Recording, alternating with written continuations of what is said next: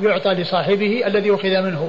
وقد أورد أبو داود حديث ابن عمر رضي الله تعالى عنهما أنه كان له عبد أبقى إلى المشركين وأنهم لما ظفروا بهم آه، أعيد إليه. يعني ذلك العبد ولم يقسم يعني لما جعل في الغنيمة. ولم يقسم كما تقسم الغنيمة وإنما أرجع إلى صاحبه. فدل هذا على أن المال الذي يأخذه العدو من أحد المسلمين ثم المسلمون يغفرون بهم فإن ذلك المال الذي أخذ من أحد المسلمين يرجع إلى صاحبه ولا يكون من جملة الغنيمة. قال حدثنا صالح بن سهيل. صالح بن سهيل مقبول. نعم أخرج أبو داود. مقبول أخرج له أبو داود. عن يحيى يعني بن أبي زائدة. يحيى بن أبي زائدة هو ثقة أخرجه أصحاب الكتب الستة. عن عبيد الله عن عبيد الله بن عمر بن حفص بن عاصم بن عمر وهو ثقة أخرجه أصحاب الكتب الستة. عن نافع. عن نافع مولى بن عمر ثقة أخرجه أصحاب الكتب الستة. عن ابن عمر. عن ابن عمر عبد الله بن عمر بن الخطاب رضي الله تعالى عنهما الصحابي الجليل أحد العباد له الأربعة من الصحابة وأحد السبعة المعروفين في كثرة الحديث عن النبي صلى الله عليه وسلم. قال أبو داود وقال غيره رده عليه خالد بن الوليد قال أبو داود وقال غيره يعني قال يعني غير يحيى بن أبي زائدة وهو ابن نمير الذي سيأتي في الحديث الذي بعد هذا رده عليه خالد بن الوليد. رده عليه خالد الذي رد العبد الآبق عليه هو خالد بن الوليد. يعني عبد أبق لابن عمر وأن أن المسلمين ظفروا بهم فأرجعه إليه خالد بن الوليد يعني وكان أميرا على الجيش. قال حدثنا محمد بن سليمان الأنباري والحسن بن علي المعنى قال حدثنا ابن نمير عن عبيد الله عن نافع عن ابن عمر رضي الله عنهما أنه قال ذهب فرس له فأخذه العدو فظهر عليهم المسلمون فرد, فرد عليه في زمن رسول الله صلى الله عليه وآله وسلم وأبق عبد له فلحق بأرض الروم فظهر عليهم المسلمون فرده عليه خالد بن الوليد رضي الله عنه بعد النبي صلى الله عليه وسلم. ثم ذكر أورد أبو داود آه، آه، آه، حديث ابن عمر من طريق أخرى وفيه أن فرسا له أخذه العدو وأنه أعيد إليه أعاده إليه رسول الله صلى الله عليه وسلم. فيكون معنى هذا الذي أعيد إلى ابن عمر في زمنه صلى الله عليه وسلم فرس. وفي الحديث السابق أنه غلام أبقى. وفي هذا الحديث الذي فيه أنه رد إليه فرس فيه أن عبدا له أبقى وأنه وأن المسلمون ظفروا بهم أي بالعدو وأن العبد الآبق رده إليه خالد بن الوليد. رده إليه خالد خالد بن الوليد. فالذي فيه آه، آه، أنه من رد الرسول صلى الله عليه وسلم في هذه الطريقة الثانية هو الفرس. وفي الطريقة الأولى الغلام الذي أبقى. وفي الطريقة الثانية أن الغلام الذي أبقى إنما رده إليه خالد بن الوليد. إنما رده إليه خالد بن الوليد. فعلى كل آه، آه، محل الشاهد للترجمة هو أن المال الذي يأخذه العدو لأحد المسلمين سواء كان فرسا أو عبدا أو أو غير ذلك ثم يظفر المسلمون بهم فإن ذلك الذي يختص بأحد المسلمين لا يكون من الغنيمة وإنما يرجع إلى صاحبه يرجع إلى صاحبه. نعم. قال حدثنا محمد بن سليمان الأنباري. محمد بن سليمان الأنباري صدوق. نعم أخرجه أبو داود. أخرجه أبو داود. والحسن بن علي. والحسن بن علي الحلواني ثقة أخرجه أصحاب الكتب الستة إلا النسائي. عن ابن نمير. عن ابن نمير وعبد الله بن نمير ثقة أخرجه أصحاب الكتب الستة. عن عبيد الله عن نافع عن ابن عمر. وقد مر ذكرهم. قال رحمه الله تعالى باب في عبيد المشركين يلحقون بالمسلمين فيسلمون. قال حدثنا عبد العزيز بن يحيى الحراني قال حدثنا محمد يعني بن سلمة عن محمد بن إسحاق عن أبان بن صالح عن منصور بن المعتمر عن ربعي بن حراش عن علي بن أبي طالب رضي الله عنه أنه قال خرج عبدان إلى رسول الله صلى الله عليه وآله وسلم يعني يوم الحديبية قبل الصلح فكتب إليه مواليهم فقالوا يا محمد والله ما خرجوا إليك رغبة في دينك وإنما خرجوا هربا من الرق. فقال ناس صدقوا يا رسول الله ردهم إليهم. فغضب رسول الله صلى الله عليه وآله وسلم وقال ما أراكم تنتهون يا معشر قريش حتى يبعث الله عليكم من يضرب رقابكم على هذا. وأبى أن يردهم وقال هم عتقاء الله عز وجل. ثم أورد أبو داود باب في عبيد المشركين. نعم يلحقون بالمسلمين ويسلمون. نعم. باب في عتيق في عبيد في عبيد المشركين. ها؟ يلحقون بالمسلمين فيسلمون. باب في عبيد المشركين. يلحقون بالمسلمين فيسلمون. يعني معناه ينفلتون وينطلقون من آه، من الكفار ويأتون إلى المسلمين ويسلمون. فإنهم آه، يكونون بذلك مسلمين ولا يسلمون للكفار ولا يسلمون للكفار.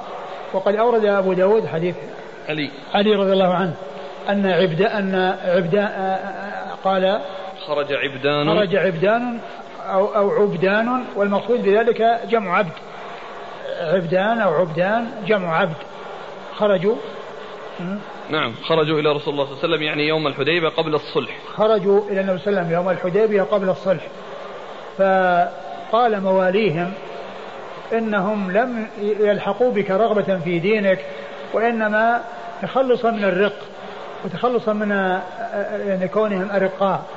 فقال بعض أصحاب رسول الله صلى رسول الله صلى الله عليه وسلم صدقوا يعني على حسب الظاهر لأنهم ما داموا أنهم أرقاء وأنهم يعني هربوا من أرقائهم من, من مواليهم.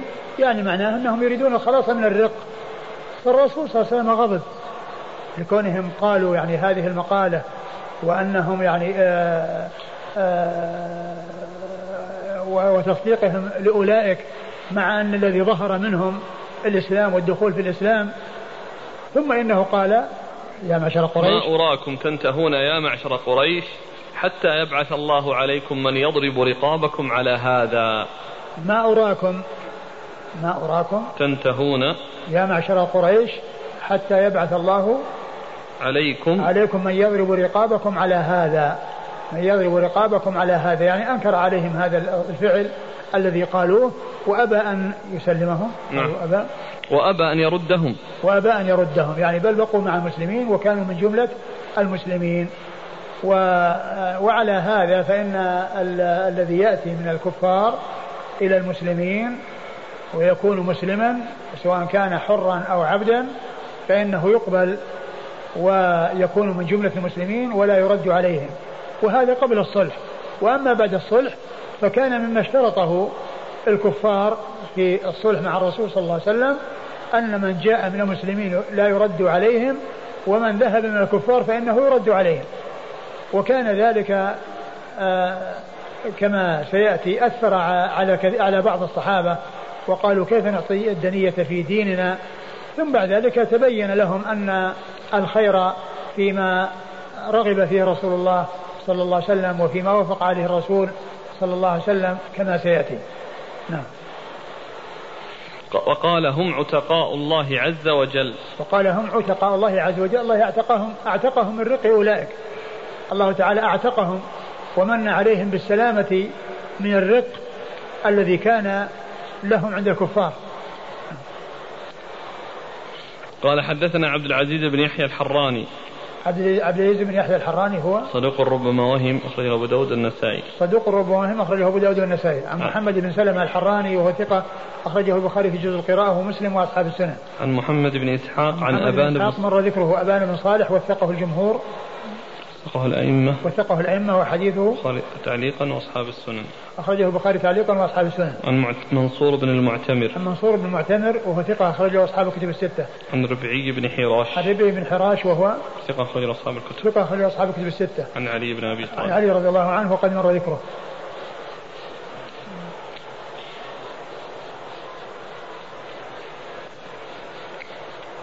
قال رحمه الله تعالى باب في إباحة الطعام في أرض العدو. قال حدثنا إبراهيم بن حمزة الزبيري قال حدثنا أنس بن عياض عن عبيد الله عن نافع عن ابن عمر رضي الله عنهما أن جيشا غنموا في زمان رسول الله صلى الله عليه وآله وسلم طعاما وعسلا فلم يأخذ منهم الخمس. ثم ورد أبو داود باب في إباحة الطعام في أرض العدو. يعني الطعام في أرض العدو أنه آآ يستعمله المجاهدون في سبيل الله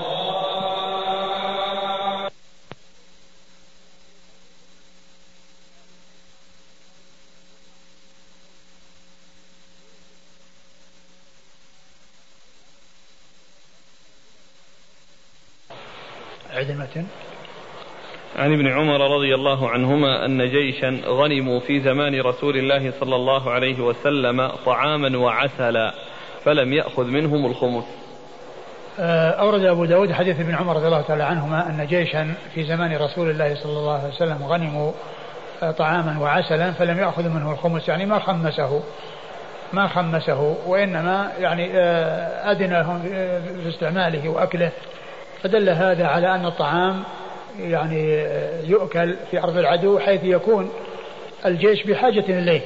أما إذا كان يعني كثيرا يزيد عن حاجتهم فإنهم يأكلون حاجتهم والباقي يكون من الغنيمة كما سيأتي في الأحاديث آه، آه، بعد هذا. والإسناد قال حدثنا إبراهيم بن حمزة الزبيري. إبراهيم بن حمزة الزبيري هو صدوق البخاري وأبو داود والنسائي في عمل يوم والليلة صدوق أخرجه البخاري وأبو داود والنسائي في عمل يوم والليلة عن أنس بن عياض. عن أنس بن عياض وهو ثقة أخرجه أصحاب كتب الستة. عن عبيد الله عن نافع عن ابن عمر. عن عبيد الله عن نافع عن عمر وقد مر ذكرهم. قال حدثنا موسى بن إسماعيل والقعنبي. قال حدثنا سليمان عن حميد يعني ابن هلال عن عبد الله بن مغفل رضي الله عنه أنه قال دلي جراب من شحم يوم خيبر. قال فأتيته فالتزمته. قال ثم قلت لا أعطي من هذا أحدا اليوم شيئا.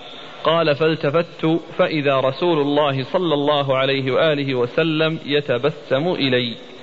ثم ورد أبو داود حديث عبد الله بن مغفل رضي الله عنه أنه دلي بجراب فيه شحم يعني من العدو فسقط وأخذه والتزمه وقال لا أعطي أحدا منه شيئا يعني معناه أنه يختص به. فالرسول صلى الله عليه وسلم يعني التفت وإلى رسول الله صلى الله عليه وسلم ينظر إليه ويتبسم. فدل هذا على أن مثل ذلك أنه مما لا يخمس وأن وأنه يستعمل ولا يخمس كما تخمس الغنيمة لأنه طعام. نعم. قال حدثنا موسى بن إسماعيل والقعنبي موسى بن إسماعيل مر ذكره والقعنبي هو عبد الله بن مسلمة بن قعنب القعنبي ثقة أخرجه أصحاب الكتب إلا ابن ماجه. عن سليمان عن سليمان هو بن المغيرة ثقة أخرجه أصحاب الكتب الستة. عن حميد يعني ابن هلال. عن حميد يعني ابن هلال وهو ثقة أخرجه أصحاب الكتب. ثقة أخرجه أصحاب الكتب الستة. عن عبد الله بن مغفر. عن عبد الله بن مغفر رضي الله تعالى عنه هو صحابي أخرجه أصحاب الكتب الستة.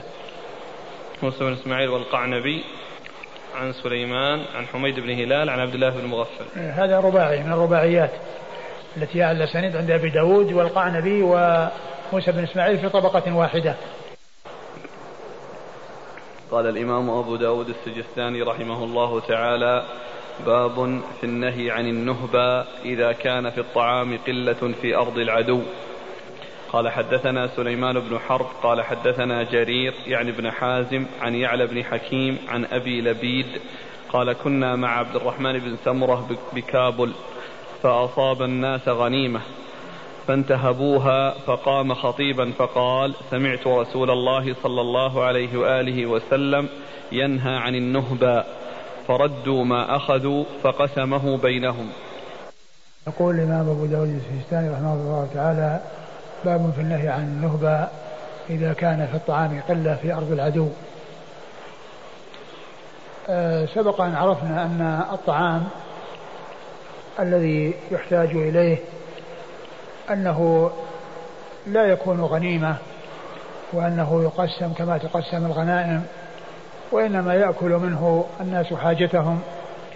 وإذا كان كثيرا فإنه يؤخذ منه ما يكفي لهم لحاجتهم وأكلهم والباقي يكون غنيمة. تقسم كما تقسم الغنيمة. وقد أورد أبو داود رحمه الله هذه الترجمة وذكر تحتها حديث عبد الرحمن بن سمرة رضي الله عنه أنه كانوا في كابل وأن وأن وأن أن أن أن أنهم انتهبوا الطعام لكونه قليلا فخطبهم وقال إن الرسول صلى الله عليه وسلم نهى عن عن النهبة نهى عن النهبة سمعت رسول الله صلى الله عليه وسلم ينهى عن النهبة سمعت رسول الله ينهى عن النهبة فردوا فكل رد ما أخذه فقسم بينهم. يعني قسمه بينهم للاقتيات وذلك أن أن أخذ كل واحد منهم على سبيل الانتهاب يجعل القوي يتمكن ما لا يتمكن الضعيف فيأخذ القوي والضعيف لا يحصل شيئا أو يحصل القوي يعني شيئا كثيرا وهذا لا يحصل قليل إلا شيئا قليلا أو لا يحصل شيئا ولكنه إذا كان آه الأخذ على قدر الحاجة أو أنه يوزع عليهم بدون انتهاب فإن هذا تتحقق فيه المصلحة ويحصل التساوي بين أفراد الجيش بالطعام الذي يأخذونه والذي حصل آه، لهم في أرض العدو من العدو أعد المتن عن. عن أبي لبيد قال كنا مع عبد الرحمن بن سمرة رضي الله عنه بكابل فأصاب الناس غنيمة فانتهبوها فقام خطيبا فقال سمعت رسول الله صلى الله عليه وسلم ينهى عن النهبة فردوا ما أخذوا فقسمه بينهم. يعني أن الذي أخذوه طعام وكانوا أخذوه لحاجتهم ولإقتياتهم ولكن آه، النهبة يترتب عليها ما ذكر من أن القوي هو الذي يحصل ويستفيد والذي ليس كذلك لا يستفيد ولا يحصل شيئا ولما خطبهم عبد الرحمن بن سمر رضي الله عنه وبين لهم حديث الرسول صلى الله عليه وسلم بادروا إلى أن رد كل ما أخذ ثم إنه قسمه بينهم بحيث تكون الفائدة للجميع وتكون الاستفادة تحصل للجميع وليس وليس حصولها يكون للبعض دون البعض. قال حدثنا سليمان بن حرب. سليمان بن حرب ثقة أخرج له أصحاب الكتب الستة. عن جرير يعني بن حازم. جرير بن حازم ثقة أخرج له أصحاب الكتب الستة. عن يعلى بن حكيم. عن يعلى بن حكيم وهو ثقة أخرج له. أصحاب الكتب الله أصحاب أصحاب الكتب الله الترمذي أصحاب الكتب الستة إلا الترمذي. عن أبي لبيد. عن أبي لبيد وهو لمازه بن زب بن زبار الجهضمي؟ صدوق. وهو لماز الجهضمي؟ وهو صدوق. أخرج له أبو داود والترمذي وابن ماجه. أخرج أبو داود والترمذي وابن ماجه. عن عبد الرحمن بن سمرة عن عبد الرحمن بن سمرة رضي الله عنه صاحب رسول الله صلى الله عليه وسلم وحديثه أخرجه أصحاب الكتب الستة.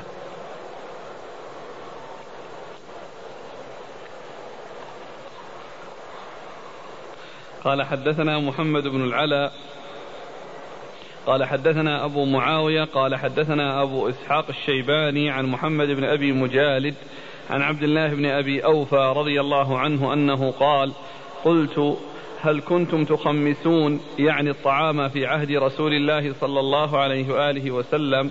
فقال أصبنا طعاما يوم خيبر فكان الرجل يجيء فيأخذ منه مقدار ما يكفيه ثم ينصرف. ثم ورد أبو داود حديث عبد الله بن أبي أوفى رضي الله عنه أنه سئل هل كانوا يخمسون الطعام؟ فقال إنهم غزوا مع رسول الله صلى الله عليه وسلم وأنهم حصلوا طعاما فكان الواحد منهم يأتي يأخذ على قدر حاجته ثم ينصرف. يعني هذا ليس على سبيل الانتهاب وإنما أذن لكل واحد أن يأخذ قدر حاجته من الطعام المزبور أو الطعام الموجود بين أيديهم والذي أذن لهم بالأخذ منه على قدر الحاجة ثم ينصرفون.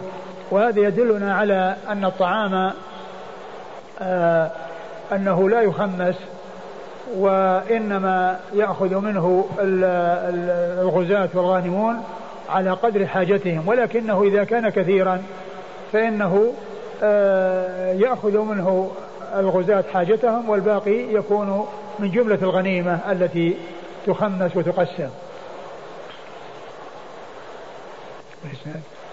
قال حدثنا محمد بن العلاء. محمد بن العلاء أبو كريب. محمد بن العلاء بن كريب أبو كريب البصري. ثقة أخرجه أصحاب كتب الستة. عن أبي معاوية. نعم. وهو محمد بن خازم الضرير الكوفي. ثقة أخرجه أصحاب كتب الستة. عن أبي إسحاق الشيباني. عن أبي إسحاق الشيباني وهو إبراهيم بن محمد بن الحارث. وهو ثقة أخرجه أصحاب كتب الستة. أبو إسحاق الشيباني. أبو إسحاق الشيباني هو سليمان بن أبي سليمان. وهو ثقة أخرجه أصحاب كتب الستة. عن أبو إسحاق أبو إسحاق الفزاري. نعم. نعم. عن محمد بن أبي مجالد. عن محمد بن أبي مجالد وهو صدوق. ثقة أخرج البخاري وأبو داود والنسائي وابن ماجه. وهو ثقة أخرجه البخاري وأبو داود والنسائي وابن ماجه. عن عبد الله بن أبي أوفى. عن عبد الله بن أبي أوفى رضي الله عنه صاحب رسول الله صلى الله عليه وسلم وحديثه أخرجه أصحاب الكتب الستة. أحسن الله إليك. محمد بن العلاء. ابن كريب أبو كريب. ال ها؟ ذكرتم كأنه البصري. إيه مو بصري. كوفي. كوفي نعم. آه. الكوفي هكذا عندكم؟ هكذا. محمد بن علاء بن كريب الهمداني أبو كريب الكوفي مشهور بكنيته. نعم إذن هو الكوفي وليس البصري. نعم. محمد بن أبي مجالد تراه منسوب إلى جده. إيه. لأنه في التقريب محمد بن عبد الله بن أبي مجالد. نعم. قال حدثنا هناد بن السري قال حدثنا أبو الأحوص عن عاصم يعني بن كليب عن أبيه عن رجل من الأنصار قال خرجنا مع رسول الله صلى الله عليه وآله وسلم في سفر فأصاب الناس حاجة شديدة وجهد وأصابوا غنما فانتهبوها فإن قدورنا لتغلي إذ جاء رسول الله صلى الله عليه وآله وسلم يمشي على قوس فأكفأ قدورنا بقوسه ثم جعل يرمل اللحم بالتراب ثم قال إن النهبة ليست بأحل من الميتة أو إن الميتة ليست بأحل من النهبة شك الشك من هناد. ثم ورد أبو داود حديث آه، الصحابي من هو رجل من الأنصار. نعم حديث رجل من الأنصار رضي الله تعالى عنه أنهم كانوا مع النبي صلى الله عليه وسلم في سفر وأنهم أصابتهم حاجة وأنهم أصابوا غنما فانتهبوها يعني فتسابقوا إلى أخذها على سبيل الانتهاب. وذبحوها ويعني آه، جعلوها في القدور يطبخونها. فجاء رسول الله صلى الله عليه وسلم وأكفأ القدور وجعل يرمل اللحم بالتراب ويقول إن النهبة ليست ب... أحل من الميتة. ليست بأحل من الميتة أو أو الميتة ليست أحل من من النهبة. يعني وذلك لتعظيم شأ- شأن الانتهاب وأنه خطير وأنه عظيم وأن الإنسان يأخذ الشيء من وهو ليس أهلا له أو لا يستحقه فيكون بذلك أخذ أمرا لا يسوغ له. فالرسول صلى الله عليه وسلم أكفأ هذه القدور وجعل يرمل اللحم بالت- بالتراب. يعني يعني معناه يعني يصي- يصيبه بالتراب. ومعنى ذلك أنه لا يؤكل. وأنه يعني مثل الميتة. فدل هذا على تحريم مثل هذا العمل وأن الإنسان لا يأخذ إلا ما أحل الله له وما أبيح له وما أذن له في أخذه. نعم. قال حدثنا هناد بن السري. الناد بن السري أبو السري وهو ثقة أخرج له البخاري في خلق أفعال العباد ومسلم وأصحاب السنن. عن أبي الأحوص. عن أبي الأحوص وهو سل- سلام بن سليم الحنفي. ثقة أخرج له أصحاب الكتب الستة. عن عاصم يعني ابن كليب. عن عاصم يعني بن كليب بن شهاب وهو صدوق أخرج له. البخاري تعليقا ومسلم وأصحاب السنن. البخاري تعليقا ومسلم وأصحاب السنن. عن أبيه وهو صدوق أو ثقة. صدوق. صدوق أخرجه البخاري في رفع اليدين. رفع اليدين وأصحاب السنن. وأصحاب السنن. عن رجل من عن الأنصار رجل من الأنصار وهو صحابي يعني صحابي غزا مع كان مع النبي صلى الله عليه وسلم وهو مجهول أو وهو مبهم والمعلوم أن أصحاب رسول الله صلى الله عليه وسلم المبهم فيهم والمجهول في حكم المعلوم لأنهم عدول بتعديل الله عز وجل لهم وتعديل رسوله صلى الله عليه وسلم وهم لا يحتاجون إلى تعديل المعدلين وتوثيق الموثقين بعد أن حصل لهم ذلك من رب العالمين ومن رسوله الكريم صلوات الله وسلامه وبركاته عليه. إذا جاءت هذه العبارة دون موضع الصحابي. دون إيش؟ دون موضع الصحابي. يعني في مكان تقريبا التابعي نعم إذا كان تابعي أو من دونه فيكون يؤثر في الإسناد. ويكون آه، آه، يكون سببا في تضعيف الحديث. سببا في تضعيف الحديث لأن غير الصحابة يحتاج إلى معرفة حالهم. يحتاج إلى معرفة حالهم. وأما الصحابة فإنهم لا يحتاجون إلى ذلك. لكن التعبير رجل من الأنصار. يعني إذا جاء بهذه بهذا القيد لو لا قد, قد يكون قد يكون من الأنصار يعني من أولاد الأنصار. إذا كان في زمن متأخر لكن مثل هذا يقول مع الرسول صلى الله عليه وسلم. نعم. يعني الأمر واضح بأنه صحابي. لكن كلمة من الأنصار إذا كان يعني في زمن الصحابة أو في يعني في آه، شيء يضيفه إلى الرسول أو إلى فالأصل أنه ينصرف إلى الصحابة لكن قد يعني ينسب إلى الأنصار أولاد الأنصار وأحفاد الأنصار ومعنى ذلك أنه آه، يحتاج إلى يعني معرفة حاله لا سيما إذا كان مثلا تلميذه الذي روى عنه يعني شخص متأخر شخص متأخر.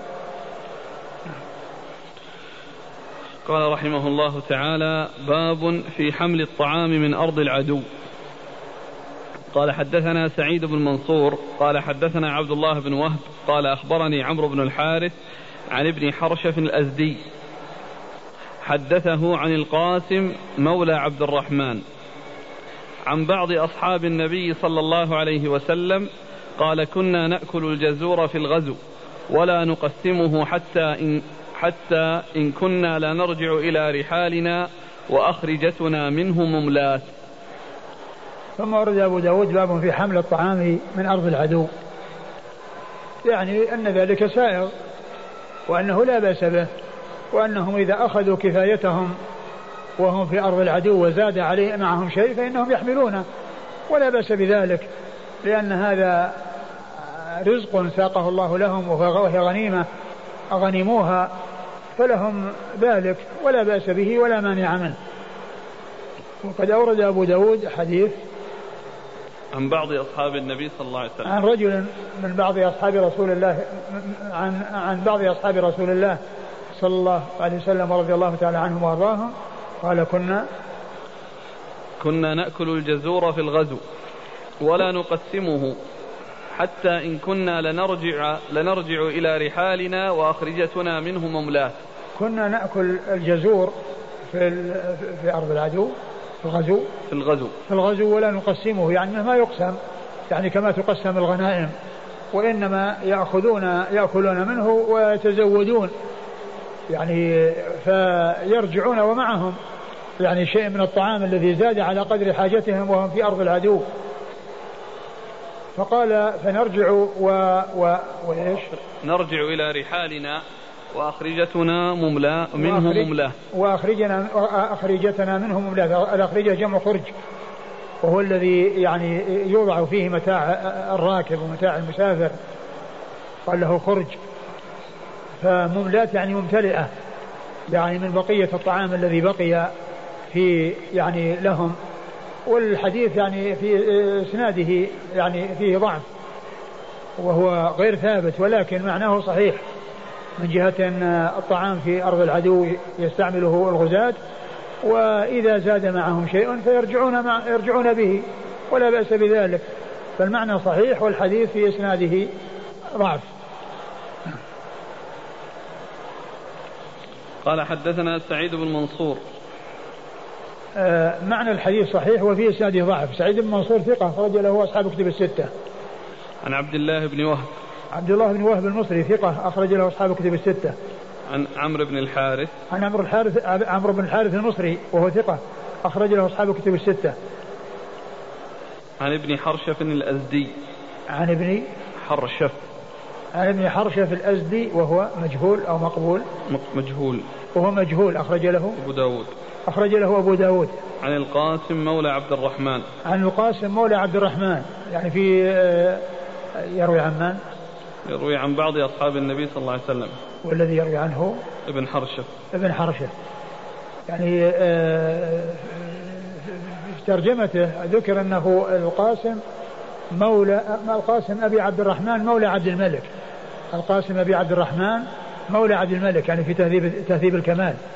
في ترجمة ابن ابن حرشف هذا يعني القاسم أبي عبد الرحمن مولى عبد الملك وهو صدوق يغرب كثيرا. أخرجه البخاري في الأدب المفرد وأصحاب السنن. صدوق يغرب كثيرا أخرجه البخاري في الأدب المفرد وأصحاب السنن.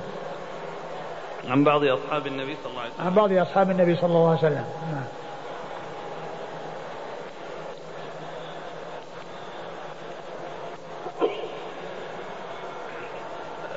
توجيه بارك الله فيك. حمل الطعام من أرض العدو. لأنه كان زائد أقول زائد على قدر الحاجة. فما زاد معهم من الطعام الذي أخذوه فإنهم يرجعون به إلى رحالهم وإلى بلادهم أو يتزودون منه في سفرهم وهم راجعون قافلون. قال رحمه الله تعالى باب في بيع الطعام إذا فضل عن الناس في أرض العدو.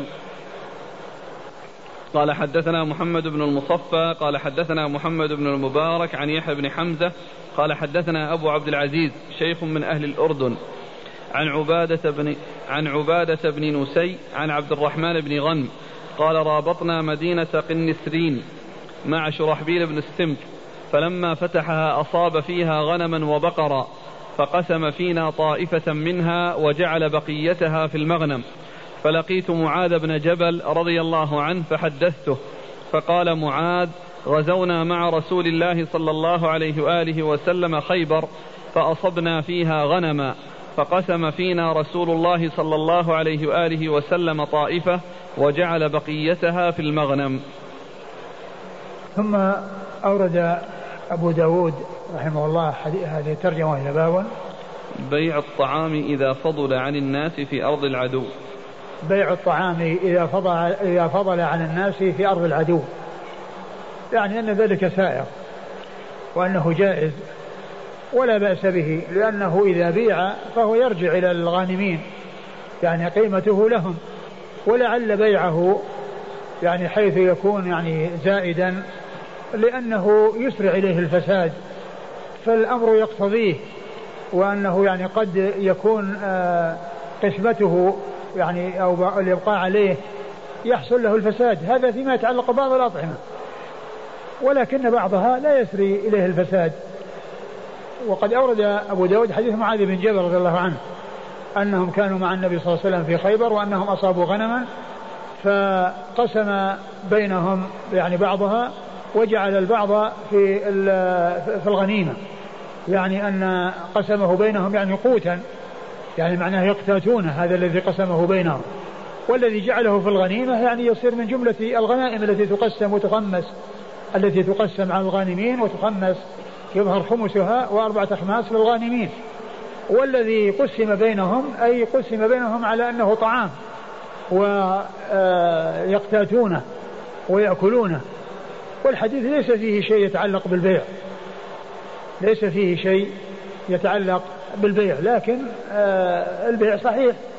إذا كان الأمر اقتضى ذلك لا سيما إذا كان يسرع إليه الفساد وهو زائد على قدر الحاجة. وهو زائد على قدر الحاجة. نعم.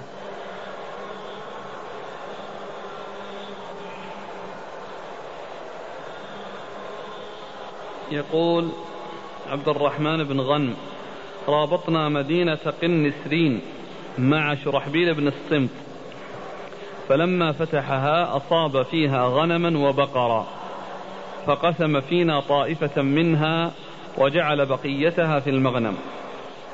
ثم يعني روى عن معاذ بن جبل أن أن أن أنهم في خيبر أصابوا غنما ومحل الشاهد من هذا كون معاذ رضي الله عنه أخبر عن الذي حصل مع رسول الله صلى الله عليه وسلم فيكون بذلك مرفوعا. وهذا الذي حصل مع ابن الصمت هذا مطابق أو عمله مطابق لما جاء لما آه، جاء عن رسول الله صلى الله عليه وسلم في هذا الذي رواه معاذ بن جبل رضي الله تعالى عنه. قنسرين يعني قنسرين مدينة. قال يعني حاصروها. يعني ربطنا كذا يعني يعني حاصروها. ولما فتح الله عليهم حصل لهم فيها بقر وغنم فحصل أن يعني قسم بينهم قوتا وطعاما يعني بعضها والباقي رده في الغنيمة أي أنه يخمس. وهذا كما هو معلوم من الطعام أو الشيء الذي لا يسرع إليه الفساد لأنه يبقى لكن بعض الأطعمة يمكن يسرع إليها الفساد. مثل قضية اللحم مثل الشحم ومثل الأشياء الأخرى التي يعني آه، يسرع إليها الفساد. قال حدثنا محمد بن المصفى. محمد المصفى هو صدوق له أوهام أخرجه أبو داود والنسائي بن ماجه. صدوق له أوهام أخرجه أبو داود والنسائي بن ماجه. عن محمد بن المبارك. عن محمد بن المبارك وهو ثقة أخرجه أصحاب الكتب. ثقة أخرجه أصحاب الكتب الستة. عن يحيى بن حمزة. عن يحيى بن حمزة وهو ثقة أخرجه أصحاب الكتب. ثقة أخرجه أصحاب الكتب الستة. عن أبي عبد العزيز شيخ من أهل الأردن. عن أبي عبد العزيز شيخ من أهل الأردن وهو يحيى بن عبد العزيز مقبول أخرج له البخاري. وهو يحيى بن عبد العزيز مقبول أخرج له البخاري في الأدب المفرد وأبو داود. البخاري في الأدب المفرد وأبو داود. عن عبادة بن نسي. عن عبادة بن نسي وهو صدوق. ثقة أخرج أصحاب السنن. وهو ثقة أخرج أصحاب السنن. عن عبد الرحمن بن غنم. عن عبد الرحمن بن غانم رضي الله عنه وحديثه أخرجه البخاري تعليقا وأصحاب السنن. البخاري تعليقا وأصحاب السنن. عن معاذ بن جبل رضي الله تعالى عنه وحديثه أخرجه أصحاب الكتب الستة.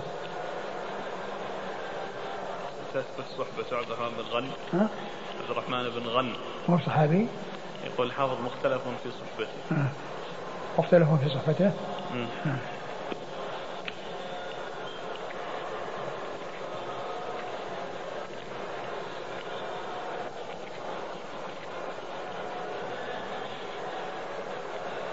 يقول عبد الرحمن بن غنم بفتح المعجمة وسكون النون الأشعري مختلف في صحبته وذكره العجلي في كبار ثقات التابعين مات سنة ثمان وسبعين.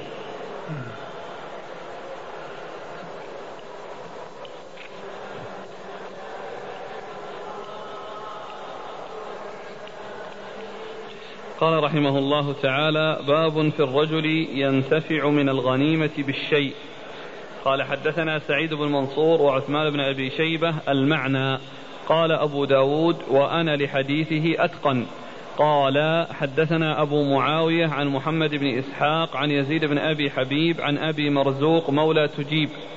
عن حنش الصنعاني عن رويفع بن ثابت الأنصاري رضي الله عنه أن النبي صلى الله عليه وآله وسلم قال من كان يؤمن بالله وباليوم الآخر فلا يركب دابة من فيء المسلمين حتى إذا أعجفها ردها فيه.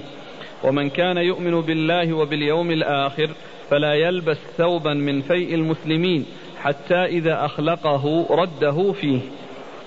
ثم ورد أبو داود رحمه الله هذه الترجمة وهي باب الانتفاع. باب انتفاع.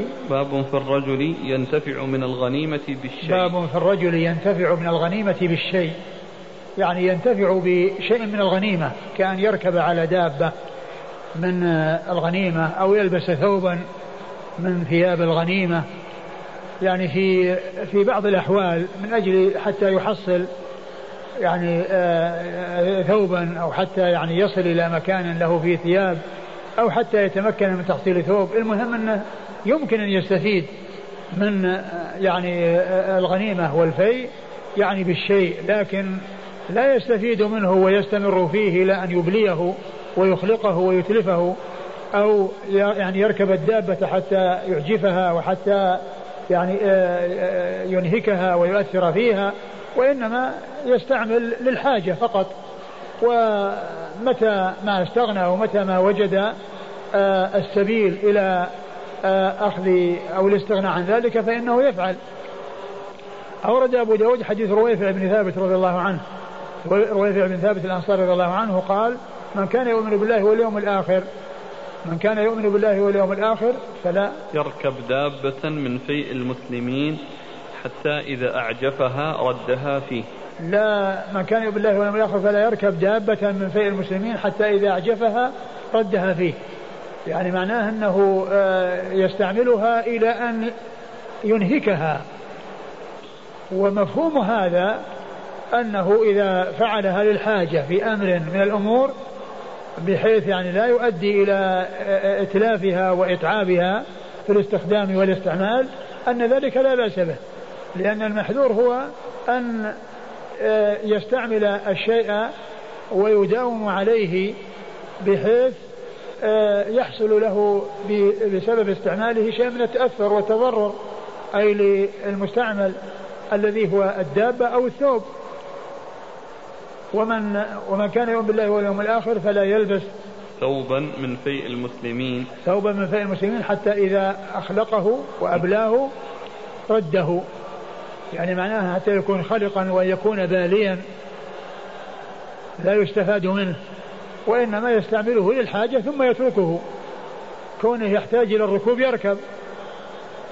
وكونه يحتاج إلى أن يلبس ثوب لمدة مؤقتة يعني يلبس. لا بأس بذلك. ولكن الممنوع كونه يؤدي إلى إنهاكه وإلى آه، آه، كونه آه، يخلقه ويبليه. نعم. قال حدثنا سعيد بن منصور. سعيد بن منصور مر ذكره. وعثمان بن أبي شيبة. عثمان بن أبي شيبة الكوفي ثقة أخرجه أصحاب الكتب إلا الترمذي وإلا النسائي فاخرج له في عمل اليوم والليله المعنى قال أبو داود وأنا لحديثه أتقن. وأنا لحديثه أتقن أي الثاني الذي هو عثمان بن أبي شيبة عن أبي معاوية عن أبي معاوية مر ذكره محمد بن خازم عن محمد بن إسحاق عن محمد بن إسحاق المدني صدوق خرجه البخاري تعليقا ومسلم وأصحاب السنن. عن يزيد بن أبي حبيب. يزيد بن أبي حبيب المصري ثقة أخرجه أصحاب الكتب الستة. عن أبي مرزوق مولى تجيب. عن أبي مرزوق مولى تجيب أي تجيب مولاهم وهو اسمه حبيب بن الشهيد. ثقة. هو حبيب بن الشهيد ثقة أخرج له أبو داود وابن ماجه أبو داود وابن ماجه عن حنش الصنعاني عن حنش الصنعاني وهو ثقة أخرجه مسلم وأصحاب السنن. هو ثقة أخرجه مسلم وأصحاب السنن. عن رويفع بن ثابت عن رويفع بن ثابت الأنصاري رضي الله عنه وحديثه أخرجه البخاري. في الأدب المفرد. في الأدب المفرد. وأبو داود والترمذي والنسائي. أخرجه البخاري في الأدب المفرد وأبو داود والترمذي والنسائي. قال رحمه الله تعالى باب في الرخصة في السلاح يقاتل به في المعركة قال حدثنا محمد بن العلا قال أخبرنا إبراهيم يعني ابن يوسف قال أبو داود هو إبراهيم بن يوسف بن إسحاق بن أبي إسحاق السبيعي. عن أبيه عن أبي إسحاق السبيعي قال حدثني أبو عبيدة عن أبيه رضي الله عنه أنه قال مررت فإذا أبو جهل صريع قد ضربت رجله قد ضربت رجله فقلت يا عدو الله يا أبا جهل قد أخذ الله الآخر قال ولا أهابه عند ذلك. فقال أبعد من رجل قتله قومه فضربته بسيف غير, بسيف غير طائل فلم يغن شيئا حتى سقط سيفه من يده. فضربته به حتى برد. ثم ورد أبو داود هذه الترجمة وهي باب الرخصة في السلاح يقاتل به في المعركة. نعم. آه، الترجمة موهمة. ومعلوم أن السلاح يقاتل به في المعركة وأن هذا هو الأصل فيه ولا يحتاج إلى ترخيص. ولكن المقصود من ذلك السلاح الذي يكون مع العدو فيأخذه المسلم من من الكافر فيقاتل به. يعني معناه سلاح العدو. وليس المقصود سلاحه هو لأن الأصل هو هذا أن كل يقاتل بسلاحه. والترخيص إنما هو في استعمال سلاح العدو بحيث آه الذي يقاتل يأخذ من عدوه سلاحا فيقاتل به في المعركة. المقصود من السلاح هنا سلاح العدو. الرخصة في استعمال السلاح في يقاتل به في المعركة أي سلاح العدو عندما يأخذه منه. أورد أبو داود حديث عبد الله بن مسعود رضي الله تعالى عنه أنه لما كان في بدر وأنه وجد أبا جهل وقد أصيبت رجله وكذلك أصيب أيضا يعني في غير رجله وبقي ولكن فيه رمق. فجاء عبد الله وعرفه وكان معه سيف يعني غير يعني حاد فكان يضربه به في غير طائل يعني من غير فائدة. فضرب يده فسقط السيف كان من يده وكان يذب عن نفسه. يعني ما يستطيع الحركة ولكنه يذب عن نفسه بالسيف فسقط وأخذ سيفه وأجهز عليه به حتى برد يعني حتى مات وحتى فارق الحياة. و وهذا ومحل الشاهد منه كون عبد الله بن مسعود أخذ سيف أبي جهل وضربه به يعني واستعمله في المعركة. وإذا هذا هو محل الشاهد يعني كون ابن مسعود أخذ سيف أبي جهل منه بعد أن ضرب يده وسقط منها أخذه فضربه به حتى برد فهذا هو محل الشاهد للترجمة. هذا الحديث. عبد الله بن مسعود رضي الله عنه قال مررت فإذا أبو جهل صريع قد ضربت رجله. فقلت يا عدو الله يا أبا جهل قد أخذ الله الآخر. قال ولا. أو الأخر. الأخر أظن قال كان بوزن الكبد في أي نعم. بوزن الكبد نعم. الآخر يعني الأبعد. نعم. قال ولا أهابه عند ذلك. يعني ولا أهابه عند ذلك لأنه آه، يعني جريح. يعني وإنما هو يعني آه، واقع في الأرض. نعم. فقال أبعد من رجل قتله قومه. فقال أبعد من قوم رجل قتله قومه وقال الخطابي أن الصواب أنه أعمد. أعمد من رجل قتله قومه. قتله قومه. يعني معناه أن أن ال ال أن الذي قد حصل أن الرجل قتله قومه. يعني يريد أن يهون على نفسه المصاب. نعم.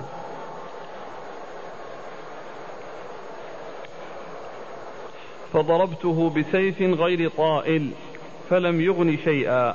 فضربته بسيف يعني معه مع ابن مسعود غير طائل يعني غير آه، مجزي وغير مفيد فلم يغني شيئا. يعني ما حصل منه المقصود في آه، آه، كونه يجهز عليه ويجعله يفارق الحياة. حتى سقط سيفه من يده فضربته به حتى برد. حتى سقط سيفه من يده يعني سيف أبي جهل من يد أبي جهل فضربه, فضربه به حتى برد يعني حتى مات وحتى فارق الحياة. وقد جاء في بعض الأحاديث أن الذي قتل أبا جهل هو هما ابن معوذ آه يعني آه معوذ آه عوف ومعوذ ابني ابني عفراء. ابني عفراء. وهنا يعني معناها أن الذي قتله ابن مسعود. والتوفيق بينها أن أولئك قتلوه ولكنهم ما أجهزوا عليه يعني ما ما فرق الحياة. ولكنهم أردوه ولكنه بقي به رمق فاستكمل ذلك ابن مسعود رضي الله عنه فيكون التوفيق بين ما هنا وما هناك أنهم آآ آآ أنه بقي به حياة يعني بعد قتلهم إياه. نعم.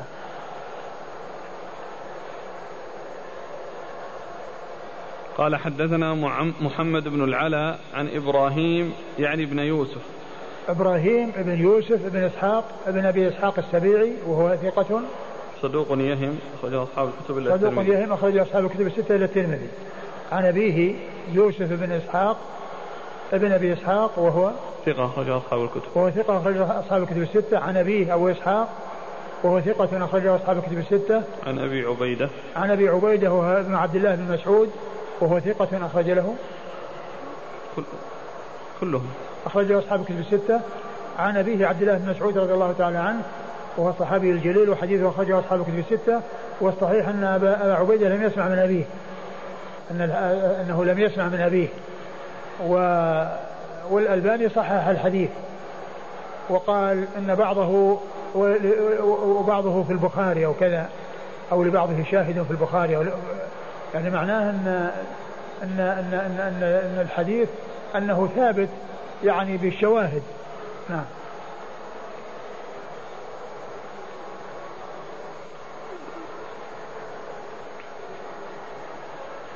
سبق معنا على آه عن عوف ومعوذ ابني عفراء. إيه. قال أبو داود وهما قتل أبا جهل بن هشام. وكان انتدب له ولم يعرفاه وقتلا يوم بدر. نعم. وش؟ مو جو أنهم بعد ذلك وكل قال يا رسول أنا قتلته. فقال انظر إلى السيف. فكل أتى بسيفه. فقال كلكما أو كلاكما قتله. هنا يقول وقتلا يوم بدر. شوف الحديث ما أدري. وصاحب العون قال كأنه أبو جهل رد عليهم وقتلهم كأنه إيش؟ أبو جهل يعني هما قتلاه؟ إيه شو بتأكد لأنه مر معنا باب في الأسير يوثق نعم في الأسير يوثق؟ إيه آه. صفحة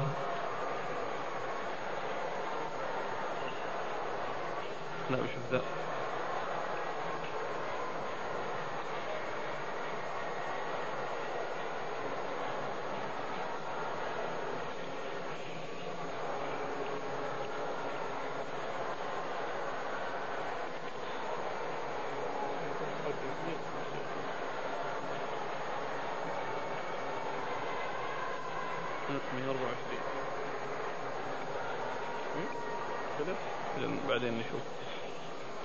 قال رحمه الله تعالى باب في تعظيم الغلول.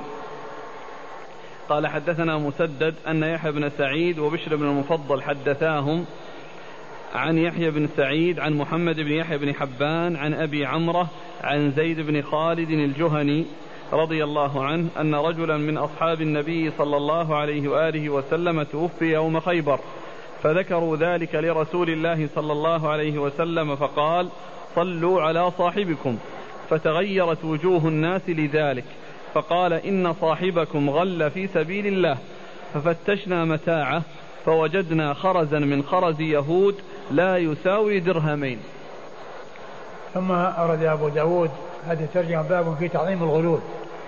يعني تعظيم يعني تعظيم شأنه وأنه خطير وأنه ليس بالأمر الهين. والغلول هو الأخذ من الغنيمة يعني بغير حق. وهو خيانة وهو من الخيانة. فأمر الغلول عظيم وقد جاء في أحاديث أن أن يعني فيه لا ألفي أن أحدكم يأتي يوم القيامة على رقبته بعير له رغاء وعلى وقبه كذا أو شاة فيعر أو كذا. يعني يعني معناه أن ذلك يعني يأخذه من غير حق فيكون خائنا بذلك. فشأن الغلول عظيم وخطير وقد ترجم أبو داود بهذه الترجمة قال باب في تعظيم الغلول يعني تعظيم شأنه وبيان خطورته وأن فيه وعيد شديد وأنه ليس بالأمر الهين وإنما هو شيء عظيم عند الله عز وجل. أورد أبو داود رحمه الله حديث. زيد بن خالد الجهني. حديث زيد بن خالد الجهني رضي الله عنه قال أن رجلا من أصحاب النبي صلى الله عليه وسلم توفي يوم خيبر فذكروا ذلك لرسول الله صلى الله عليه وسلم فقال صلوا على صاحبكم. أن رجلا توفي مع رسول الله صلى الله عليه وسلم في خيبر فقال صلوا على صاحبكم. يعني ولم يصلي عليه صلى الله عليه وسلم. فقال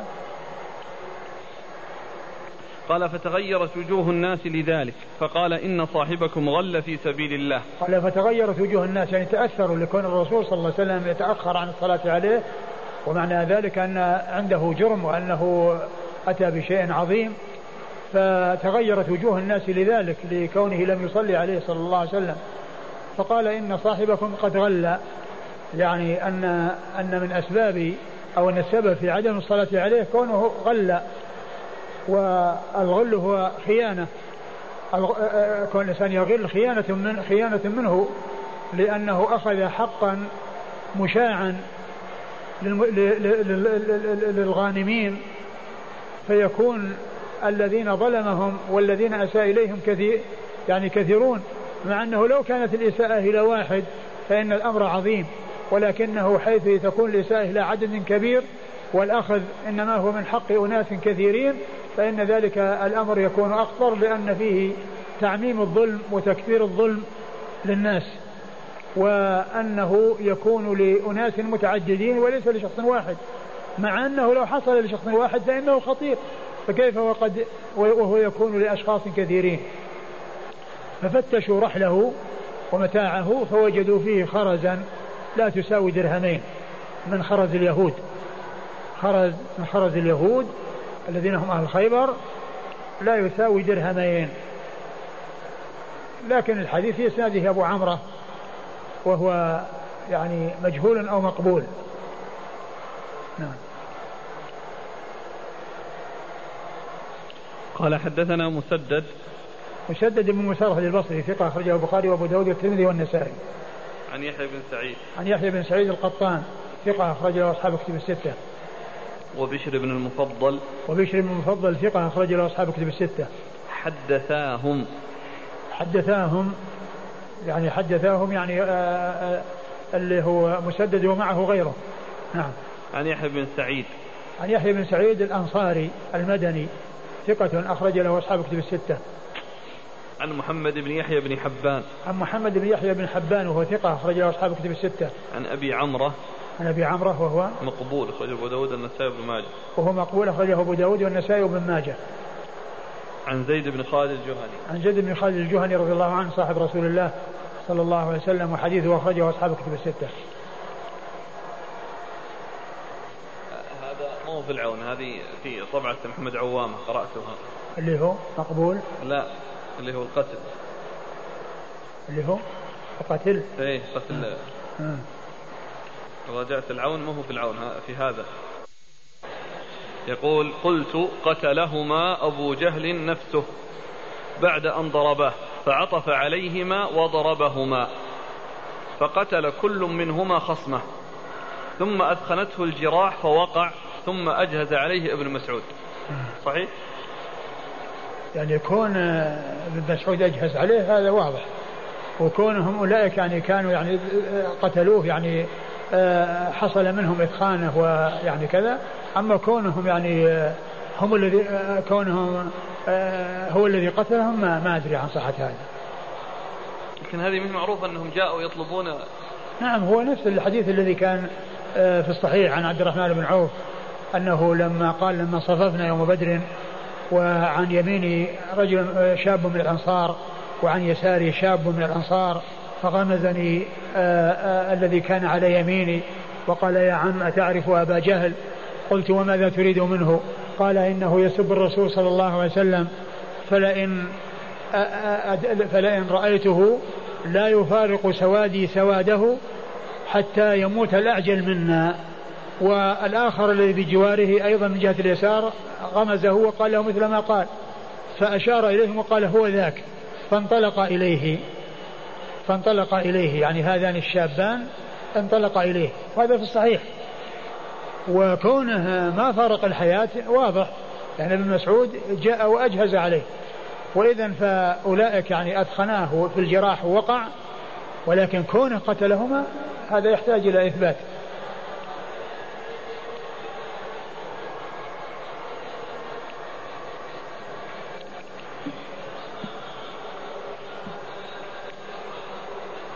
قال حدثنا القعنبي عن مالك عن ثور بن زيد الديلي عن أبي الغيث مولى بن مطيع عن أبي هريرة رضي الله عنه أنه قال خرجنا مع رسول الله صلى الله عليه وآله وسلم عام خيبر فلم نغنم ذهبا ولا ورقا إلا الثياب والمتاع والأموال. قال فوجه رسول الله صلى الله عليه وآله وسلم نحو وادي القرى وقد أهدي لرسول الله صلى الله عليه وآله وسلم عبد أسود يقال له مدعم. حتى إذا كانوا بوادي القرى فبينا مدعم يحط رحل رسول الله صلى الله عليه وسلم إذ جاءه سهم فقتله. فقال الناس هنيئا له الجنة. فقال النبي صلى الله عليه وآله وسلم كلا. والذي نفسي بيده إن الشملة التي أخذها يوم خيبر من المغانم لم تصبها المقاسم لتشتعل عليه نارا. فلما سمعوا ذلك جاء رجل بشراك أو شراكين إلى رسول الله صلى الله عليه وآله وسلم. فقال رسول الله صلى الله عليه وآله وسلم شراك من نار أو قال شراكان من نار ثم ورد أبو داود حديث أبي هريرة رضي الله عنه وأنهم لما كانوا مع رسول الله صلى الله عليه وسلم عام خيبر أنهم لم يغنموا ذهبا ولا فضة ولا ورقا وإنما غنموا الثياب والأموال والطعام والأولاد والأموال الثياب والطعام والثياب والمتاع والأموال. الثياب والمتاع والأموال. يعني ما ما غنموا ذهبا ولا فضة وإنما غنموا آه يعني آه أشياء يعني من من السلع ومن الأموال.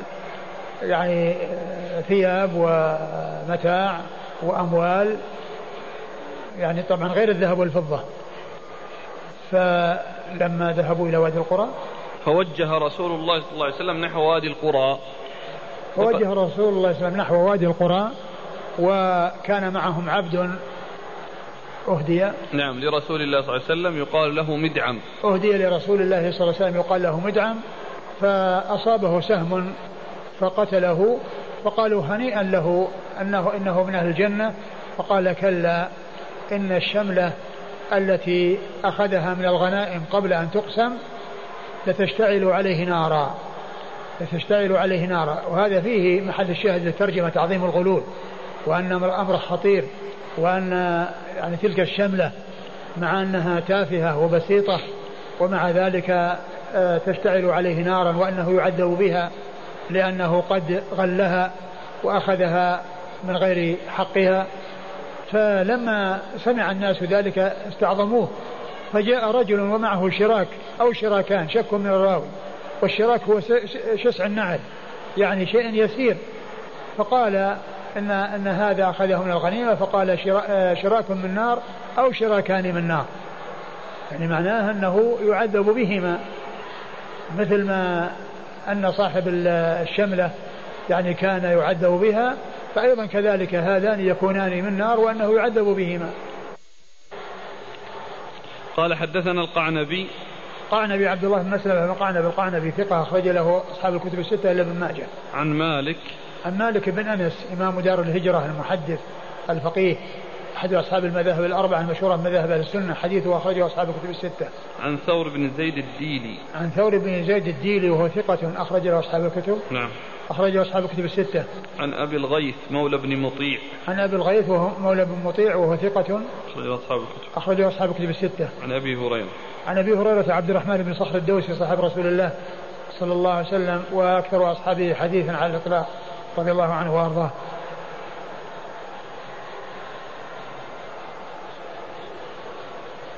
قال رحمه الله تعالى باب في الغلول إذا كان يسيرا يتركه الإمام ولا يحرق رحله.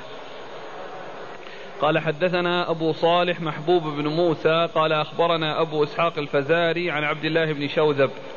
قال حدثني عامر يعني بن عبد, ألو... بن عبد الواحد عن ابن بريدة عن عبد الله بن عمرو رضي الله عنهما أنه قال كان رسول الله صلى الله عليه وآله وسلم إذا أصاب غنيمة أمر بلالا فنادى في الناس فيجيئون بغنائمهم فيخمسه ويقسمه. فجاء رجل بعد ذلك بزمام من شعر فقال يا رسول الله هذا فيما كنا أصبناه من الغنيمة. فقال أسمعت بلالا ينادي ثلاثا قال نعم. قال فما منعك أن تجيء به؟ فاعتذر إليه. فقال كن أنت تجيء به يوم القيامة فلن أقبله من عنك. ثم ورد أبو داود باب في الغلول إذا كان يسيرا. يتركه الإمام ولا يحرق رحله. باب في الغلول إذا كان يسيرا. يتركه الإمام ولا يحرق رحله أي يحرق رحل الغال. وهذه الترجمة يعني فيها أن الغلول اليسير الذي يكون مع مع الغال أنه يترك معه ولكنه متوعد في ذلك في الدار الآخرة. يعني متوعد عليه في الدار الآخرة لأنه آه، جاء بعد القسمة. ولأنه لو كان أتى به قبل أن يقسم لقسم بين الغانمين. وأورد أبو داود حديث عبد الله بن عمرو. عبد الله بن عمرو رضي الله عنهما أن النبي صلى الله عليه وسلم إذا كان كان كان صلى الله عليه وسلم إذا أصاب غنيمة أمر بلالا فنادى في الناس فيجيئون بغنائمهم فيخمسه ويقسمه كان إذا أصاب غنيمة يعني أنهم ظهروا العدو وحصلوا غنائم معلوم أن كل واحد يأخذ كل واحد يأخذ شيء من الغنيمة من العدو.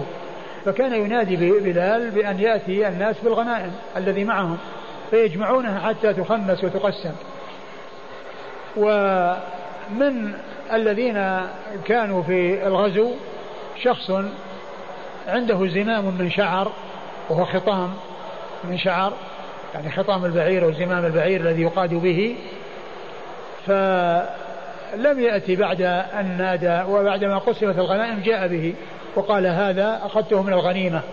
فقال أما سمعت بلالا ينادي؟ قال بلى واعتذر يعني بعدم آه، كونه أتى به قبل أن تخمس الغنيمة بعذر لا ندري ما هو ذلك العذر. فالرسول صلى الله عليه وسلم قال يعني كن إيش؟ كن أنت تجيء به يوم القيامة. كن أنت تجيء به يوم القيامة. يعني معناه أنك تحاسب عليه يوم القيامة لأنك أخذته من الغنيمة بغير حق ولم تأتي به حتى يقسم بين المستحقين فإذا يعني يبقى معه وهو متوعد بهذا الوعيد وهو دال على خطورة الغلول وأنه من الأمور الخطيرة ولو كان ذلك الشيء يسيرا. وقد سبق أن مر في حديث مضى أن الرجل الذي كان معه كبة يعني من شعر وأنه قال يعني هذه أخذتها فقال ما كان لي وبني عبد المطلب هو لك وما كان للناس يعني فإنه يعني لا يملكه. فقال أما إذ بلغت هذه فإنه لا أرى بل فيها ثم رماها يعني أنه تركها ولم يأخذها. نعم. والترجمة فيها ذكر التحريق والإشارة إلى التحريق وأن يعني الإشارة إلى أن الغال لا يحرق رحله يحرق متاعه. وقد أورد أبو داود عدة أحاديث ستأتي ولكنها كلها ضعيفة. يعني فيما يتعلق بتحريق المتاع. الأحاديث التي أوردها أبو داود ضعيفة. يعني ما كان متصلا وما كان غير متصل كل ذلك بأسانيد يعني غير صحيحة. نعم. قال حدثنا أبو صالح محبوب بن موسى. أبو صالح محبوب بن موسى محبوب بن موسى صدوق. أخرج له أبو داود النسائي نعم. أخرج له أبو داود النسائي عن أبي إسحاق الفزاري. عن أبي إسحاق الفزاري وهو إبراهيم بن محمد بن الحارث ثقة أخرجه أصحاب الكتب الستة. عن عبد الله بن شوذب. عن عبد الله بن شوذب وهو؟ صدوق أخرجه البخاري في الأدب المفرد وأصحاب السنن. صدوق أخرجه البخاري في الأدب المفرد وأصحاب السنن. عن عامر يعني بن عبد الواحد. عن عامر يعني عبد بن عبد الواحد وهو صدوق يخطئ أخرجه البخاري في جزء القراءة ومسلم وأصحاب السنن. صدوق يخطئ أخرجه البخاري في جزء القراءة ومسلم وأصحاب السنن. عن ابن بريدة. عن ابن بريدة هو عبد الله بن بريدة وهو ثقة أخرج له أصحاب الكتب الستة. عن عبد الله بن عمرو. عن عبد الله بن عمرو بن العاص رضي الله تعالى عنهما الصحابي الجليل أحد العباد له الأربعة من أصحاب النبي صلى الله عليه وسلم وحديثه أخرجه أصحاب الكتب الستة.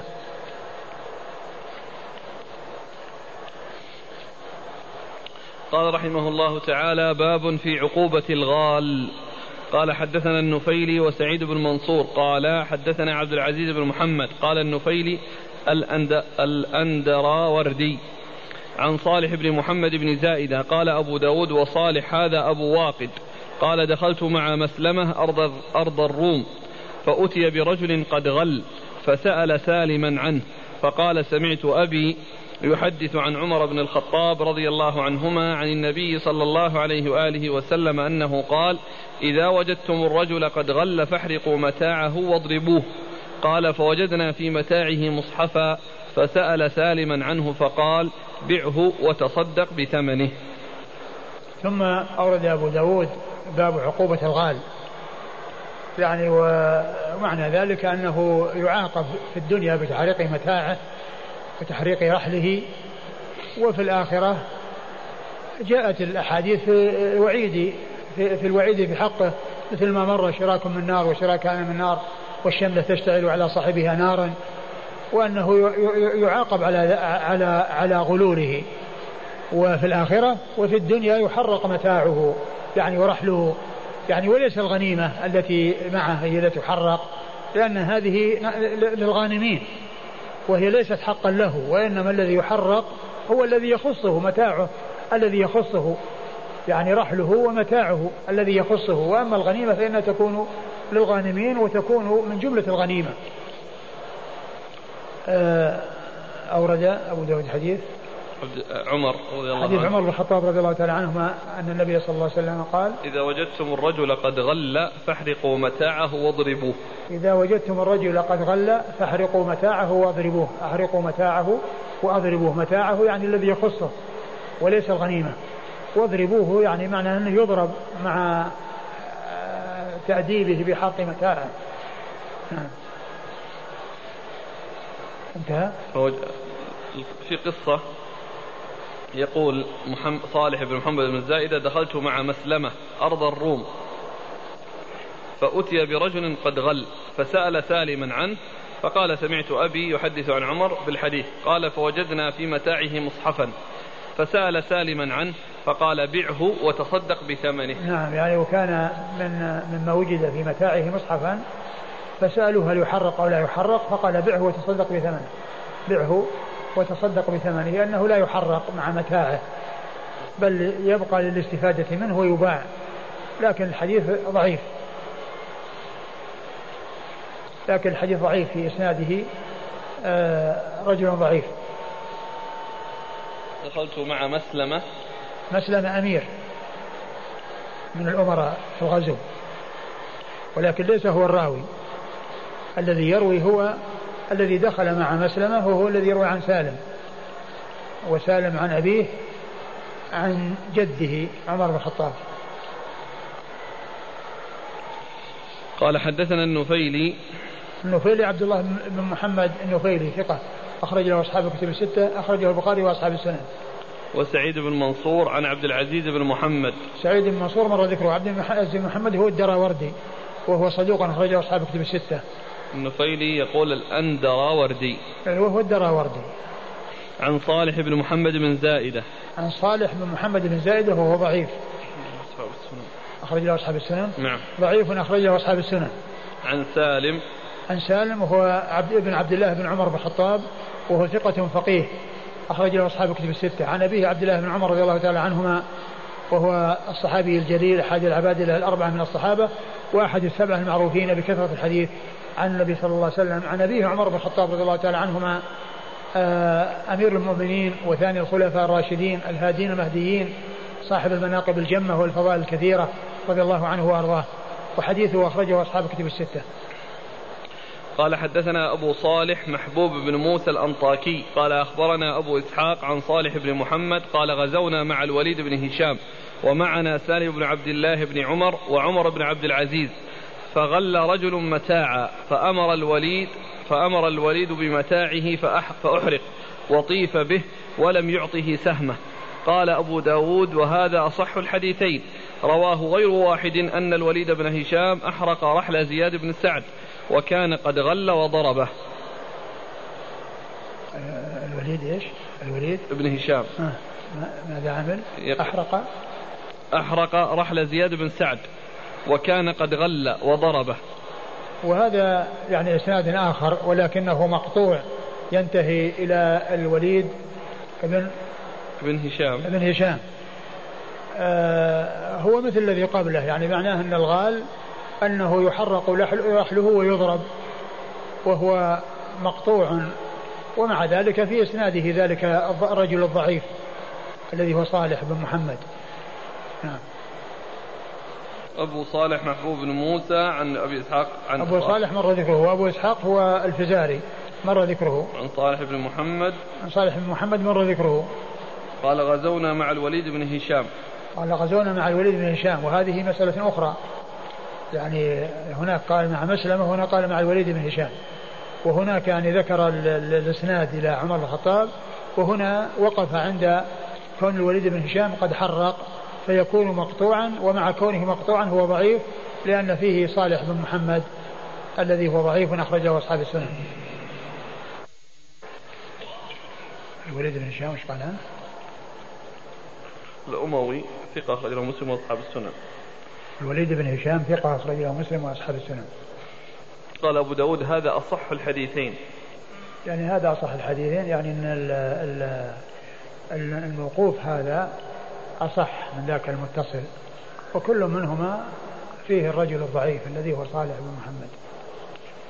قال حدثنا محمد بن عوف قال حدثنا موسى بن أيوب قال حدثنا الوليد بن مسلم قال حدثنا زهير بن محمد عن عمرو بن شعيب عن أبيه عن جده رضي الله عنه أن رسول الله صلى الله عليه وآله وسلم وأبا بكر وعمر رضي الله عنهما حرقوا متاع الغال وضربوه.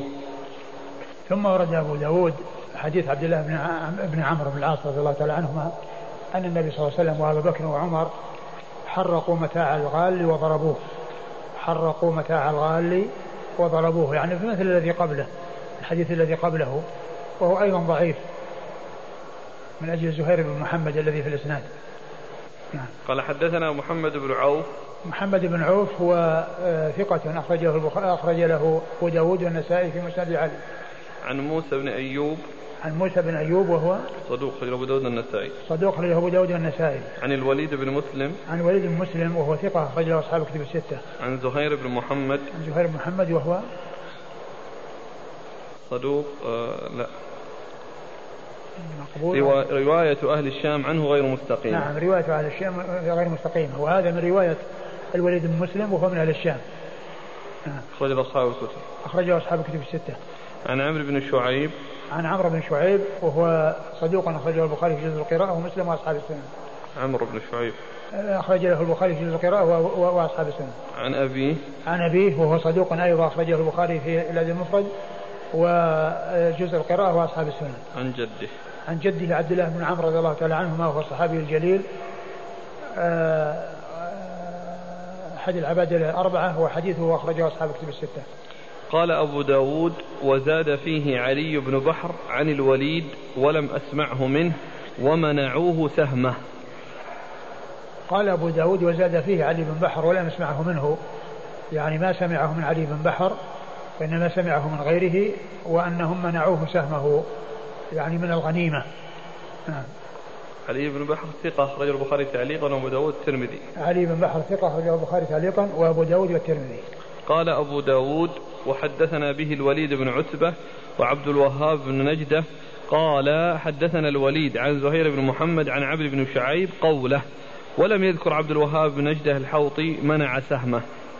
يعني ثم ذكر أنه أنه أنه مقطوع. قال إيش عن عمرو بن شعيب قوله؟ نعم. عن عمرو بن شعيب يعني أنه من قول عمرو بن شعيب. يعني وأنه آه وأنه يعني آه أنه مرسل. نعم. قال أبو داود وحدثنا به الوليد بن عتبة. الوليد بن عتبة هو ثقة أخرج أبو داود. ثقة أخرج له أبو داود. وعبد الوهاب بن نجدة. وعبد الوهاب بن نجدة. ثقة أخرج أبو داود والنسائي. ثقة أخرج أبو داود والنسائي. عن الوليد عن زهير بن محمد عن عمرو بن شعيب. وقد مر ذكرهم. هذه الأحاديث يقوي بعضها بعضا. والله ال الألباني ضعفها كلها. أقول الألباني ضعفها كلها.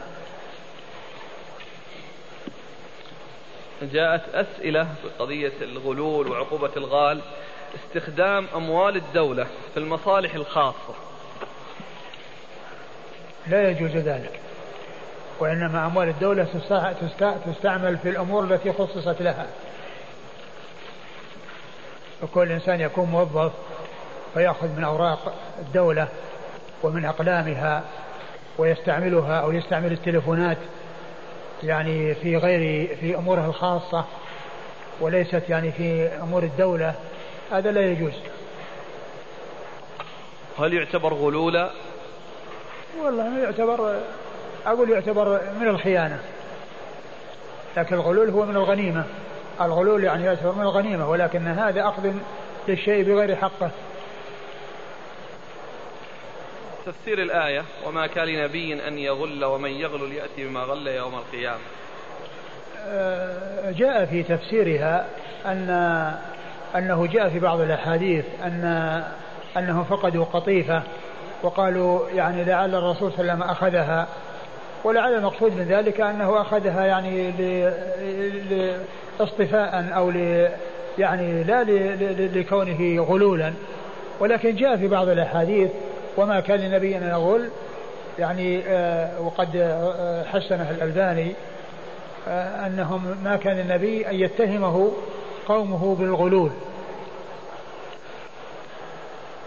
ومن يغلل يأتي بما غل يوم القيامة. نعم يأتي بما غل يوم القيامة مثل ما جاء في الحديث. لا ألفي أن أحدكم يأتي يوم القيامة على رقبته بعير له رغاء أو على رقبته بقرة لها خوار أو شاة تيعر. يقول يا رسول الله أغثني فيقول قد فقول قد أبلغتك. يسأل ما المراد بالشملة؟ المراد بالشملة يعني قطعة يعني آه، آه، تستعمل يعني إما في لباس أو في يعني حاجة. المهم أنها من من المتاع الذي هو سهل من سهل المتاع وخفيفة. ما حكم جواز أو ما حكم بيع المصحف؟ لا بأس بذلك. أقول لا بأس ببيعه. جاء في صحيح مسلم عن أنس رضي الله عنه قال أصابنا ونحن مع رسول الله صلى الله عليه وسلم مطر. قال فحسر رسول الله صلى الله عليه وسلم ثوبه حتى أصابه من المطر. فقلنا يا رسول الله لم صنعت هذا؟ قال لأنه حديث عهد بربه. فما المراد؟ يعني أنه حديث عهد بإنزال ربه لأنه كما هو معلوم هو نزل من بين السماء والأرض ما نزل من فوق من فوق العرش وإنما نزل من بين السماء والأرض كما قال الله عز وجل والسحاب المسخر بين السماء والأرض. والسحاب المسخر بين السماء والأرض. أنتم أنزلتموه من المزن أي السحاب أم نحن المنزلون؟ يعني فهو حديث عهد بإنزال ربه. وليس معنى ذلك أنه جاء من عند الله من فوق العرش. هل تقاطع المنتجات الأمريكية واليهودية؟ المسلمون يعني كما هو معلوم يعني في هذا الزمان آه، عندهم ضعف شديد وسبب ضعفهم عدم قيامهم بأمر الله عز وجل وبما يجب عليهم. ومن أجل ذلك هانوا على أنفسهم وهانوا على أعدائهم فصاروا هائبين بدل أن يكونوا مهيبين فصار هم يهابون أعداءهم وأعداءهم لا يهابونهم. والمقاطعة وعدم المقاطعة وما إلى ذلك هذا يعني يرجع إلى المصلحة وما يترتب على ذلك من الفائدة. وما يترتب على ذلك من الفائدة. ومعلوم أن اليهود يعني وهم من أرض الخلق الله ومن أحط خلق الله ما تسلطوا على المسلمين إلا لضعف المسلمين وهوانهم وعدم قيامهم بأمر الله عز وجل. ولو أن المسلمين رجعوا إلى ربهم ولصار لهم شأن ولهابهم أعداؤهم بدل أن يكونوا يعني هم الهائبين لأعدائهم. ومعلوم أن دول الكفر كلها يعني هي ضد الإسلام ولكن المسلمين هم أنفسهم هم الذين آه، قصروا في إسلامهم وقصروا بما يجب عليهم نحو إسلامهم. والمهم في المسلمين أنهم يرجعون إلى الله عز وجل وإذا رجعوا إلى الله عز وجل وأصلحوا فيما بينهم وبين الله وعملوا بما هو مطلوب منهم فإن هذا من أسباب نصرهم. والله تعالى يقول إن تنصروا الله ينصركم ويثبت أقدامكم ولا ينصر الله من ينصره. إن الله لقوي عزيز. الذين إن مكناهم في الأرض أقاموا الصلاة وآتوا الزكاة وأمروا بالمعروف ونهوا عن المنكر ولله عاقبة الأمور. قال الإمام أبو داود السجستاني رحمه الله تعالى باب النهي عن الستر على من غل. قال حدثنا محمد بن داود بن سفيان. قال حدثنا يحيى بن حسان. قال حدثنا سليمان بن موسى أبو داود. قال حدثنا جعفر بن سعد بن سمرة بن جندب. قال حدثني خبيب بن سليمان عن أبيه سليمان بن سمرة عن سمرة بن جن عن سمرة بن جندب رضي الله عنه أنه قال أما بعد. وكان رسول الله صلى الله عليه وآله وسلم يقول من كتم غالا فإنه مثله. فيقول الإمام أبو داود السجستاني رحمه الله تعالى باب في النهي عن الستر على الغال. آه، أي أن الغال إذا علم يعني أمره وشأنه فإنه لا يستر عليه. والذي ينبغي في مثل هذا أن يناصح. وإذا لم يقبل النصح فإنه يرفع أمره إلى الأمير. حتى يخلصه من هذا الغلول الذي حصل لأن بقاءه معه واستمراره في حوزته واستمرار خيانته يعود عليه بالمضرة في الدنيا والآخرة. فالعمل على تخليصه من هذه الورطة ومن هذا العمل آه الذي هو غير طيب من التعاون على البر والتقوى. وقد أورد أبو داود حديث سمرة بن جندب رضي الله تعالى عنه أن النبي صلى الله عليه وسلم قال من من من كتم غالا فإنه مثله. من كتم غالا فإنه مثله. يعني من كتم أمره وأخفى أمره وهو يعلم ذلك فإنه يكون مثله. يعني مثله يعني في الإثم. فإنه يكون مثله في الإثم. لكن الحديث ضعيف. لا يصح عن رسول الله صلى الله عليه وسلم. ولكن آه، من حيث أن آه، المسلم آه، يكون عونا لأخيه المسلم وناصحا له فالذي عليه أن ينصحه وأن ينبهه حتى يتخلص من الغلول وإذا لم يقبل النصح فإنه يرفع أمره إلى الأمير أمير الجيش حتى يخلصه من هذا الغلول الذي يعود عليه بالمضرة في الدنيا والآخرة.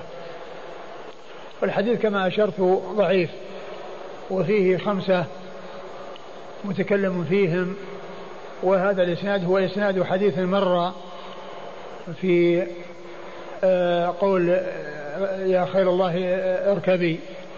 فإن هذا الإسناد هو نفس ذاك الإسناد. فيه خمسة متكلم فيهم فيهم من هو مقبول ومن هو مجهول ومن هو لين الحديث. ولا يسلم من ذلك إلا واحد منهم الصحابي وواحد منهم هؤلاء هم يعني الذين سلموا الصحابة لا كلام فيهم ويحيى بن حسان يعني ثقة والخمسة الباقون يعني بين لين الحديث أو مقبول الحديث أو آه ليس بالقوي أو مجهول. نعم. قال حدثنا محمد بن داود بن سفيان. محمد بن داود, داود بن سفيان مقبول أخرج له. أبو داود. أخرج له أبو داود. والخمسة أيضا أخرج لهم أبو داود وحده. هؤلاء الخمسة انفرد بالإخراج لهم أبو داود. نعم. عن يحيى بن حسان نعم. عن يحيى بن حسان وهو ثقة أخرجه أصحاب الكتب الستة إلا الترمذي. إلا ابن ماجه. إلا ابن ماجه.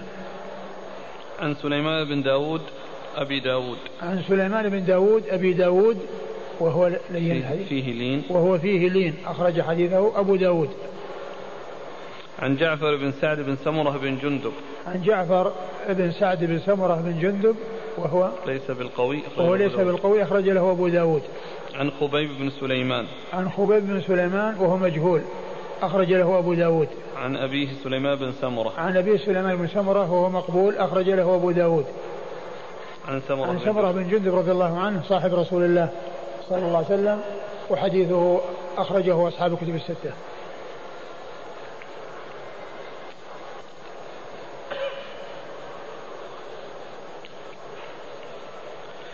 عن سمرة بن جندب رضي الله عنه قال أما بعد وكان رسول الله صلى الله عليه وسلم. في خطبة كان أو؟ كان هذا في خطبة. قوله أما بعد كأنه في خطبة.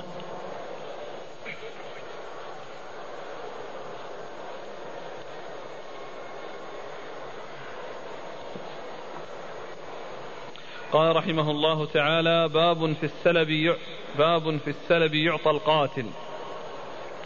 قال حدثنا عبد الله بن مسلمة القعنبي عن مالك عن يحيى بن سعيد عن عمر بن كثير بن أفلح عن أبي محمد مولى أبي قتادة عن أبي قتادة رضي الله عنه أنه قال خرجنا مع رسول الله صلى الله عليه وآله وسلم في عام حنين فلما التقينا كانت للمسلمين جولة. قال فرأيت رجلا من المشركين قد علا رجلا من المسلمين. قال فاستدرت له حتى أتيته من ورائه. فضربته بالسيف على حبل عاتقه فأقبل علي فضمني ضمة وجدت منها ريح الموت ثم أدركه الموت فأرسلني فلحقت عمر بن الخطاب رضي الله عنه فقلت له ما بال الناس؟ قال أمر الله. ثم إن الناس رجعوا وجلس رسول الله صلى الله عليه وآله وسلم وقال من قتل قتيلا له عليه بينة فله سلبه. قال فقمت ثم قلت من يشهد لي؟ ثم جلست. ثم قال ذلك الثانية من قتل قتيلا له عليه بينة فله سلبه. قال فقمت ثم قلت من يشهد لي؟ ثم جلست. قال ثم قال ذلك الثالثة. فقمت فقال رسول الله صلى الله عليه وآله وسلم ما لك يا أبا قتادة؟ قال فاقتصصت عليه القصة. فقال رجل من القوم صدق يا رسول الله وسلب ذلك القتيل عندي فأرضه منه. فقال أبو بكر الصديق رضي الله عنه لا الله إذا يعمد إلى أسد من أسد الله يقاتل عن الله وعن رسوله فيعطيك سلبه. فقال رسول الله صلى الله عليه وآله وسلم صدق فأعطه إياه. فقال أبو قتادة فأعطانيه فبعت الدرع فابتعت به مخرفا في بني سلمة فإنه لأول مال تأثلته في الإسلام. ثم ورد أبو داود باب في السلب يعطى للقاتل أي لقاتل الكافر الذي آه، معه شيء من سلاح أو غيره أو من سلاح وثياب وغير ذلك يكون لقاتله. هذا هو السلب الذي يعطى للقاتل. وإعطاؤه للقاتل يعني فيه آه، حفز له وفيه مكافأة له على على نشاطه وعلى قوته وعلى جرأته وتمكنه من القضاء على الكافر ومن النكاية بالكفار. فلهذا شرع إعطاء القاتل السلب. وقد جاء فيها أحاديث وقد سبق مر بنا قريبا حديث سلمة بن الأكوع في قصة الرجل الذي جاء على جمل وأناخه ثم انسل فالرسول قال اقتلوه فلاحقوه. وكان سلمة بن الأكوع رضي الله عنه كان عداء وكان سباقا على رجليه فلحق به حتى أدركه وقتله فجاء بالبعير يقوده وما عليه فأعطاه النبي صلى الله عليه وسلم سلبه. فأعطاه النبي صلى الله عليه وسلم سلبه. فإعطاء السلب للقاتل أي يعني ما كان بحوزة المقتول من الكفار آه، فيه آه، آه، فيه مكافأة وفيه حفز للهمم ومكافأة من أبلى بلاء حسنا وحصل منه ما فيه نكاية في الأعداء. أورد أبو داود حديث أبي قتادة رضي الله تعالى عنه.